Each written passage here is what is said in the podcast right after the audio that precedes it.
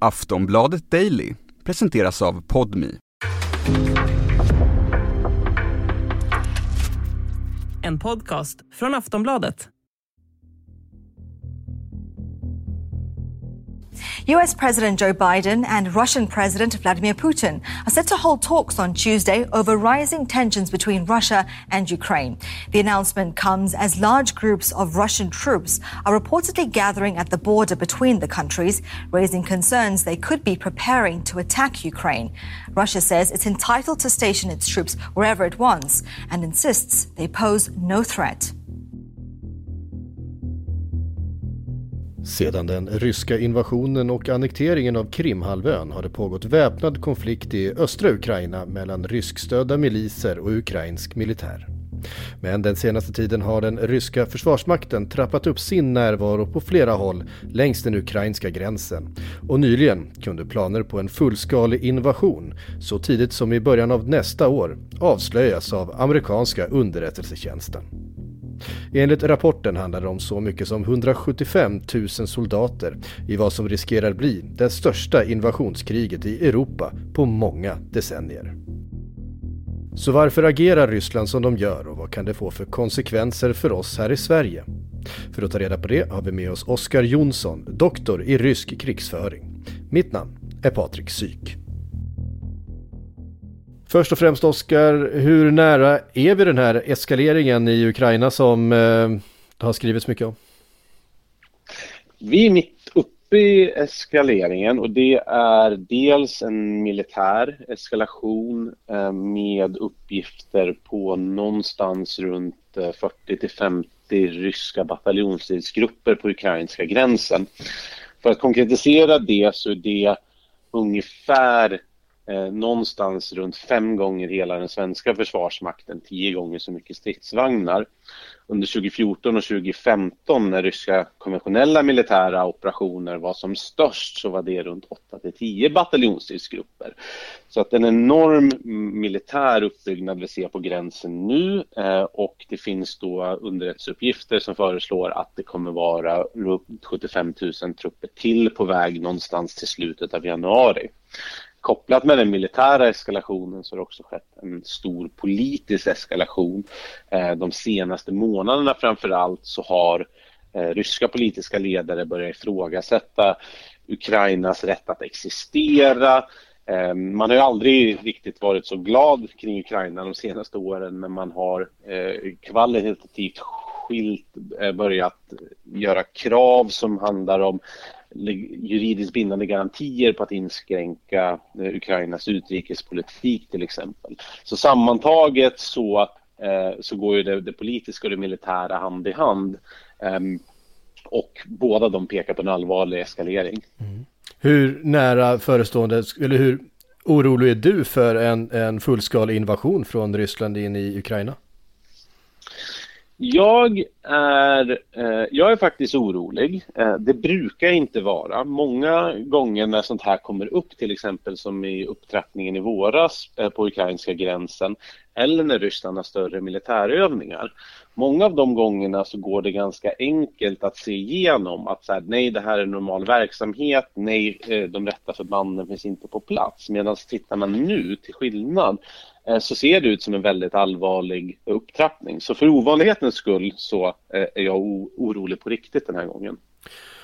Är det här det första stora invasionskriget då i Europa? Om vi borträknar Krim som kanske inte blev så mycket eh, krig på samma sätt på, på decennier i sådana fall? Ja, alltså i, i, dagsläget är det jättesvårt att, eh, att, att, veta vart det här kommer ta vägen. Det är fortfarande helt plausibelt att det är en uppbyggnad som eh, enbart går ut för eh, att få massa eftergifter från Ukraina. Eh, och det alternativet finns ju alltid, att, att man undviker kriget genom att ge eh, den som eskalerar det de vill ha redan på förhand. Eh, men det som jag tycker vi kan, det som vi vet och det som vi kan säga är att man sätter förmågorna på plats för att ha den militära optionen eh, att genomföra eh, en ny invasion av Ukraina. Sen om det görs eller inte eller hur stor den är, det är också beroende hur, hur alla andra agerar. Hur agerar eh, omvärlden? Ehm, och sen är frågan, ja exakt vad, vad, hur skulle en sån militär operation se ut? Ehm, men ja, är också svaret på din fråga att vi har inte sett eh, liksom större territoriella krig eh, sen, sen muren föll och, inte, och knappt innan det heller utan det är ju just eh, annekteringen av, av Krim och eh, östra Ukraina som är rekordhållare om man ska kalla det det. Hur motiverar Ryssland det här agerandet? Ja, men det finns egentligen två eh, saker som, som man har fokuserat på i termer av sina krav.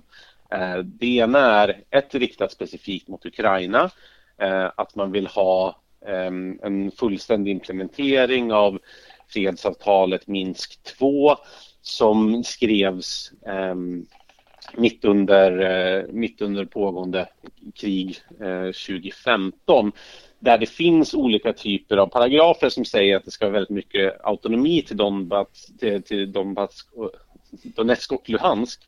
Ehm, men det står ju också där till exempel att för att det ska ske så ska rysk trupp dra sig tillbaka och så. Så att någonstans har ju ryska målet varit i förhållande till den att, att få ett veto i Ukrainas affärer. Det andra är eh, NATO, eh, NATO-förmågor, NATO-material och NATO-samarbete där man säger egentligen mer kopplat till, eh, till NATO och USA och man säger att det här ska vara en no-go-zon. Eh, det ska inte finnas något några truppen och materielen och förmågor här på plats. Och där, är ju, där deltar ju Sverige bland annat också med en träningsinsats för, för ukrainska eh, försvarsmakten. Så att man, man legitimerar det här lite, dels genom de kraven men också att man känner sig hotad. Man säger att liksom, situationen har förändrats och, och att liksom, missilförsvar i Ukraina skulle vara ett, eh, ett jättehot mot rysk säkerhet.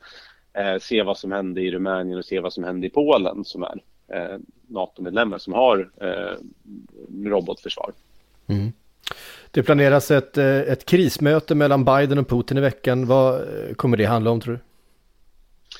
Det kommer absolut eh, handla om den här situationen. Nu har eh, sedan i början av november så åkte den amerikanska CIA-chefen Bill Burns hela vägen till Moskva, träffade Putin, träffade säkerhetsrådets chef där Eh, det förändrade ingenting i termer av den här fortsatta uppbyggnaden. Eh, nu träffades utrikesministrarna Sergej Lavrov och eh, Antony Blinken förra veckan.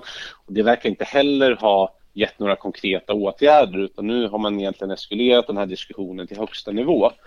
Eh, jag tror ehm, att eh, president Biden kommer att leverera ett hot eh, mot president Putin och sen får vi se hur effektivt det är för att förändra den här uppbyggnaden. Min bedömning är att det kan vara svårt. Ehm, för nu, än så länge har vi bara talat om, om liksom ekonomiska sanktioner mot, mot ryska ledarskapet och det tror inte jag kommer förändra deras kalkyl. Vi ska strax prata mer om hur en invasion kan komma att påverka Sverige. Men först några ord från vår sponsor. Hos Podmi kan du lyssna på flera populära true crime podcasts helt utan reklam. Till exempel Svenska mordhistorier. Hon har nästan torkat upp blodet när hon upptäcker att altandörren står öppen. Och när hon blickar ut över trädgården ser hon kroppen. Först nu inser hon att något fruktansvärt har hänt. Som ny kund hos Podmi får du de första 14 dagarna gratis. Nej, krig så här nära den svenska gränsen har vi inte upplevt på många decennier. Så frågan är, hur skulle det påverka oss? Nej, men det skulle, jag skulle säga att det påverkar oss väldigt, väldigt direkt. Alltså, svensk säkerhet byggs först och främst av hela idén om att folkrätten gäller och att eh, stater inte ska invadera varandra och, och ehm, att liksom det militära våldet på mellanstatlig nivå är någonting som försvinner. Det är mycket viktigare för oss än att vi har en stark försvarsmakt. Sen ska man ju ha en stark försvarsmakt i backup tycker jag också. Men alltså det som ger oss säkerhet idag är mycket mer att, att krig i princip har försvunnit snarare än att vi, vi skulle kunna vinna alla de krigen som uppstår. Eh, så att, att det sker återigen, att, att Ryssland kunde invadera Georgien 2008, Ukraina 2014 och sen kanske göra det igen Eh, det stärker ju deras kalkyl att det här är ett fungerbart sätt att få liksom, geopolitiska vinningar i storpolitiken. Um, NATO och EU har inte viljan, förmågan att, eh, att liksom påverka oss på någon signifikant nivå här. Eh, sen så tror jag att det också kan få effekter som, som, som är väldigt negativa för Ryssland. Alltså om eh, Ryssland påverkar, eh, liksom invaderar Ukraina igen, så kanske USA, den amerikanska scenen, okej okay, nu måste vi dubbla närvaro i Europa för att verkligen eh, ge säkerhet till våra grannländer. Och mycket av det som eh, vi har sett sedan 2014 har ju varit lite tvärtom. Att eh, Ryssland gick in i Ukraina och nu har USA blivit långt mycket mer investerad i Europa än tidigare. I Baltikum så har ju Nato nu roterande närvaro från ett tiotal länder. Kanada, USA, Storbritannien, Frankrike, Tyskland har ju trupper i roterande närvaro på plats i Baltikum. Eh, vilket höjer kostnaderna för, för den typen av ageranden mot Baltikum. Så det kan ju mycket väl komma att slå tillbaka på Ryssland i termer vad man ser i Europa. Mycket starkare amerikansk närvaro, mycket starkare och mycket mer beslutsamt NATO. Hur förberedda är vi på en ny, ny eskalering utav, utav väpnad konflikt i Europa? Eh, jag skulle säga att vi är relativt oförberedda. Eh, nu har vi två försvarsbeslut bakom oss där vi har höjt ambitionsnivån för Försvarsmakten och vi har börjat planera för att återta totalförsvaret. Eh, och som, vad ska man säga, som betraktare från sidlinjen så låter det, som, låter det jättebra. Problemet med Eh, allt det här att ledtiden är ju, är ju helt kopiösa. Säg att du ska eh, köpa en ny stridsvagn så, så tar det två år att köpa saker och sen så tar det två år att träna en besättning på den. Eh, så att många av de här, eh, ja, här, vår beredskap är inte där, eh, där den borde vara. Vi har beställt hög beredskap både civilt och militärt men vi är inte riktigt där än och vi är eh, en bit därifrån. Eh, Baltikum, ligger precis som Ukraina med en eh, lång gräns mot Ryssland, har en eh, i vissa av fallen då ganska stor rysk diaspora.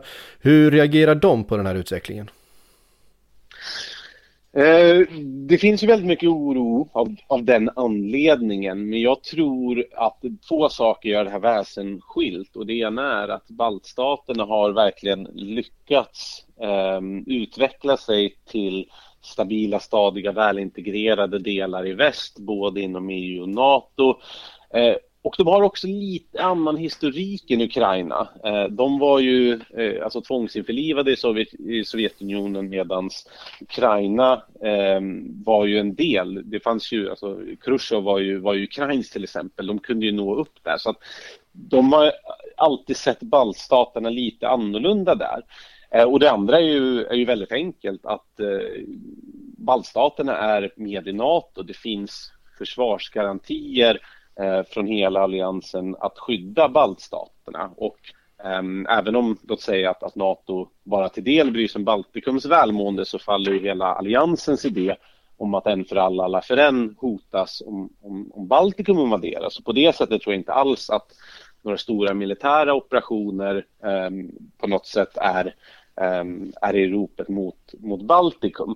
Eh, däremot så är ju det, Ehm, och det är väldigt tydligt för Ukraina, där har man ju vid NATOs utrikesministermöte förra veckan sagt att det kommer få signifikanta ekonomiska och politiska kostnader. Ehm, med andra ord, det kommer inte bli några eh, militära eh, kostnader från, från NATOs håll. Så jag tror att kalkylen är ganska, ganska skild där. Mm. Eh, Finland har vi inte nämnt, Finland såklart med en, en oerhört eh, komplicerad relation till Ryssland. Sverige och Finland har dessutom väldigt djupa militära relationer. Hur på, påverkas Finland och då i förlängningen Sverige rent militärt eh, vid en sån här eskalering? Ja, men på, på väldigt liknande sätt eh, som, som Sverige så bygger ju eh, finsk säkerhet på idén att Eh, militära maktmedel inte ska vara en del av världspolitiken idag. Eh, Finland är ju inte NATO-medlem så där är det ju, precis, och inte Sverige heller, så där är det lite kymigare för Finland än, än för baltstaterna.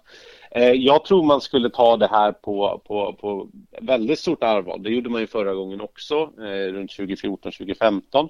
Eh, och man skulle, eh, sen dess har ju faktiskt Finlands utrikespolitik förändrats eh, ganska kvalitativt. Alltså från att vara ganska ointresserad av militära och politiska samarbeten så har man börjat hoppa på de här olika försvarssamarbetsinitiativen som, som, som försiggår. De har varit väldigt drivna utrikespolitiken. Ehm, så jag tror att eh, det skulle ge eh, mycket mer fart i, i Finlands utrikespolitiska relationer skulle söka stöd från, från, från fler eh, organisationer och aktörer. Och jag tror att de skulle eh, förbereda sig både militärt och politiskt för, för vad som kan drabba dem. Intervjuad i avsnittet var Oskar Jonsson, doktor i rysk krigsföring. Mitt namn är Patrik Syk och du lyssnar på Aftonbladet Daily som är tillbaka med ett helt nytt ämne imorgon. Du har lyssnat på en podcast från Aftonbladet. Ansvarig utgivare är Lena K. Quality sleep is essential for boosting energy, recovery, and well-being. So, take your sleep to the next level with Sleep Number. With a Sleep Number smart bed, you can individualize your comfort level and enjoy a better sleep night after night. JD Power ranks Sleep Number number 1 in customer satisfaction with mattresses purchased in-store. And now the Queen Sleep Number C4 smart bed is only $1,599, a saving of $300 only for a limited time. For JD Power 2023 award information, visit jdpower.com/awards. Only at Sleep Number stores or sleepnumber.com. Samuelsson.